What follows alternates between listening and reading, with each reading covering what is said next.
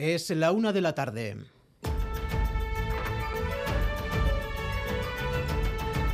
Crónica de Euskadi con Imanol Manterola. A Rachaldeón, el Día de la Memoria pivota hoy en Euskadi sobre dos imágenes. La primera la componen los distintos homenajes y ofrendas florales que han llevado a cabo hoy las principales instituciones vascas. El principal acto ha tenido lugar en el Parlamento Vasco, con las ya habituales ausencias de PP Ciudadanos y de Vox, que han vuelto a desmarcarse de este homenaje y han optado por sus propios actos. Parlamento Vasco, José Luis Fonseca, Rachaldeón. A Rachaldeón, sí, ofrenda floral y minuto de silencio esta mañana en el Parlamento Vasco en homenaje a las víctimas de la violencia un acto presidido por el Endacari y la presidenta del Parlamento y al que han asistido parlamentarias y parlamentarios de todos los grupos políticos, excepto Pepe Ciudadanos y Vox. Los populares, como decías un año más, llevaban a cabo su propio acto para, decían, no coincidir con EH Bildu. La segunda imagen es la del exministro Barrio Nuevo defendiendo la guerra sucia contra ETA. El gobierno vasco ha detectado de la mano de víctimas de toda condición el malestar que han provocado esas declaraciones. Esta semana He tenido algunos encuentros privados con víctimas mm, de toda condición, con víctimas de, ETA también.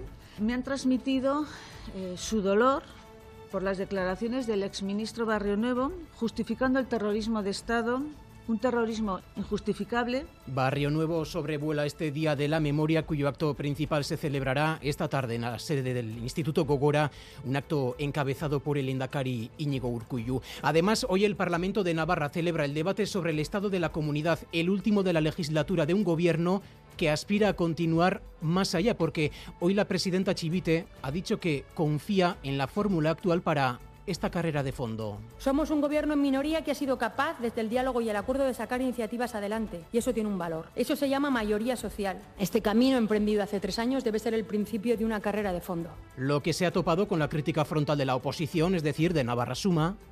El legado que va a dejar a Navarra es el blanqueamiento de Euskal Herria Bildu, de los testaferros de ETA, como los calificó el Tribunal Supremo.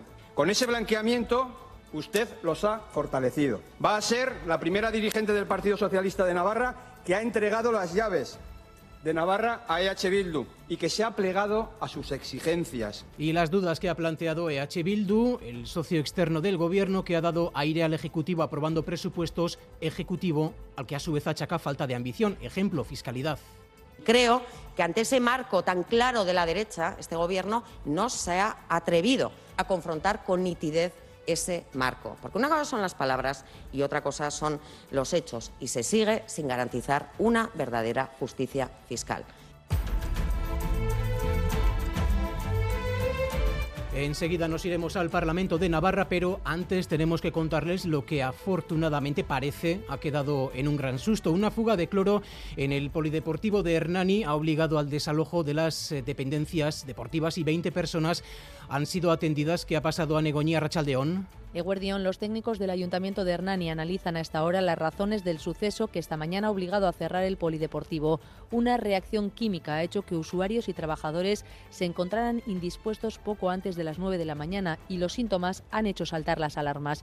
Xavier Lerchundi, alcalde de Hernani. Sustoa bai, sustoa bai, goizeko behatzik amar gutxitan e, konturatu dira, bueno, ba, zerbait arnaste, arnasketan zerbait faiatzen zula, eta jendea ez eta erre, erredurekin edo hasi dela, ez? E, sensazio horiekin hasi dela kiroldegian.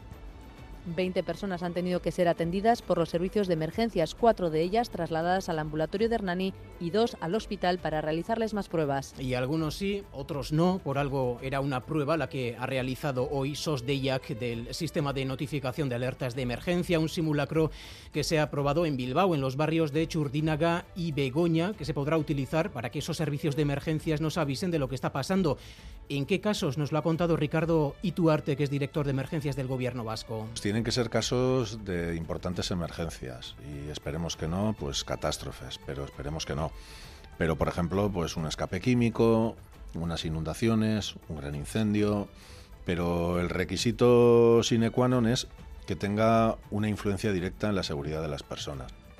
Resultados de Siemens Gamesa que ha perdido 940 millones de euros, un 50% más que el año pasado, Rodrigo Manero. Años en números rojos, a los 1.500 millones que perdió en 2020 y 2021 se suman estos otros 900 de este año. La compañía culpa al precio de los suministros y a los problemas logísticos globales y necesita una reestructuración. Eso pasa por vender sus plantas productivas y el despido de casi 500 trabajadores, muchos en las oficinas de Zamudio y Sarriguren. El CEO de Siemens Gamesa asegura que de momento no prevé más despidos, aunque el plan todavía no está cerrado. Y continuamos en esta crónica de Euskadi recorriendo Galicia en el 20 aniversario del hundimiento del Prestige. 20 años después queremos saber las medidas y cambios legislativos que ha habido para mejorar la seguridad marítima. Laida Basurto ha estado con el responsable de salvamento marítimo de Fisterra, donde hace 20 años recibieron el SOS del Prestige. ¿Qué te han dicho, Laida Rachaldeón?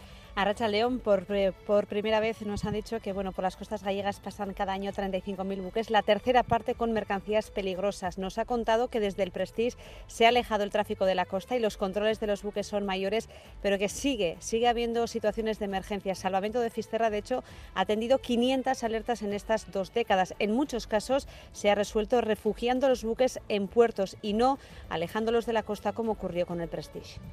Y noticia de última hora, además, en torno a la situación del barco Ocean Viking y los más de 200 migrantes rescatados que lleva a bordo. Italia se negó a dejarles descender a puerto y hace unos minutos el gobierno francés ha anunciado que podrán hacerlo en un puerto de su territorio, Oscar Pérez. Y en concreto en el de Toulon ha sido el ministro francés de Interior el que ha dado a conocer la decisión del Ejecutivo galo. Gerard Darmanin ha explicado que habían hecho una propuesta conjunta con Alemania para la acogida de migrantes dirigida al gobierno de Italia, pero no han obtenido respuesta. Pour finalement constater qu'il n'y a toujours pas eu de réponse de l'Italie au moment où nous parlons. y, y donc nous, avons pris une décision hemos constatado que no ha habido respuesta alguna de Italia y en consecuencia hemos tomado la decisión de salvar las vidas de los que viajan en el barco y acogerles en aguas territoriales franceses, ha dicho el ministro. Se espera que el barco llegue mañana a Toulon. Giorgia Meloni, por tanto, se sale con la suya y desvía un barco con migrantes fondeados junto a Italia a otro país de la Unión Europea. Cinevi, el Festival de Cortometrajes y Documentales de Bilbao alzará mañana el telón de su edición número 64 y ha presentado hoy la representación vasca en la sección oficial de largometrajes a concurso. Son siete en total, entre los que se incluyen trabajos documentales como Ondarrak de Paula Iglesias y Marta Gómez, ficciones como Itzak de Josu Martínez o piezas líricas visuales como Alas Tierra de Maggi Barber, junto a propuestas de Carla Chernevi, Ainhoa Olaso y Enara García, María Inés González y Chus Los siete cortos vascos se proyectarán mañana en la gala de inauguración del Teatro Arriaga. Escuchamos a Vanessa Fernández, directora de Cinevi. Tenemos una selección muy diversa de ficción y cine documental, de estilos muy diferentes y también forman parte de esta sección diferentes generaciones de cineastas que para nosotros también es importante que haya por un lado ese traspase de generaciones, pero también reconocer a gente que siga haciendo cortometrajes. Vamos ahora con lo más destacado del deporte. Álvaro Fernández Cadierno, Arrachaldeón. Arrachaldeón en el día después de la victoria de la Real en Sevilla. Son ahora terceros con 26 puntos y clasificados para los octavos de la Europa League. De ahí que Imanol ponga un 10 a su equipo. En baloncesto tenemos hoy la cita de la jornada. 8 de la tarde, Montpellier y de Euskotren, tercera jornada de la Eurocup. Anoche lo Guernica ganaba al Estudiantes en esta misma competición. En cuanto al tiempo, tendremos cielos despejados y lucirá el sol, lo que dejará temperaturas agradables, sobre todo en la costa, en el interior, no serán tan altas debido a la niebla persistente. Esta noche los termómetros volverán a descender y hará frío. Ahora se registran 18 grados en Bilbao y en Donosti, también en Bayona, 9 grados en Gasteiz, Iruña marca a estas horas 14 grados. En cuanto a las carreteras, en la Vizcaya 631, en la entrada al municipio de Bermeo, hay un camión averiado y se está dando paso alternativo al tráfico en ese punto. Así arrancamos esta crónica de Euskadi en el control técnico Raúl González y Jorge Ibáñez, a Bilbao en la coordinación.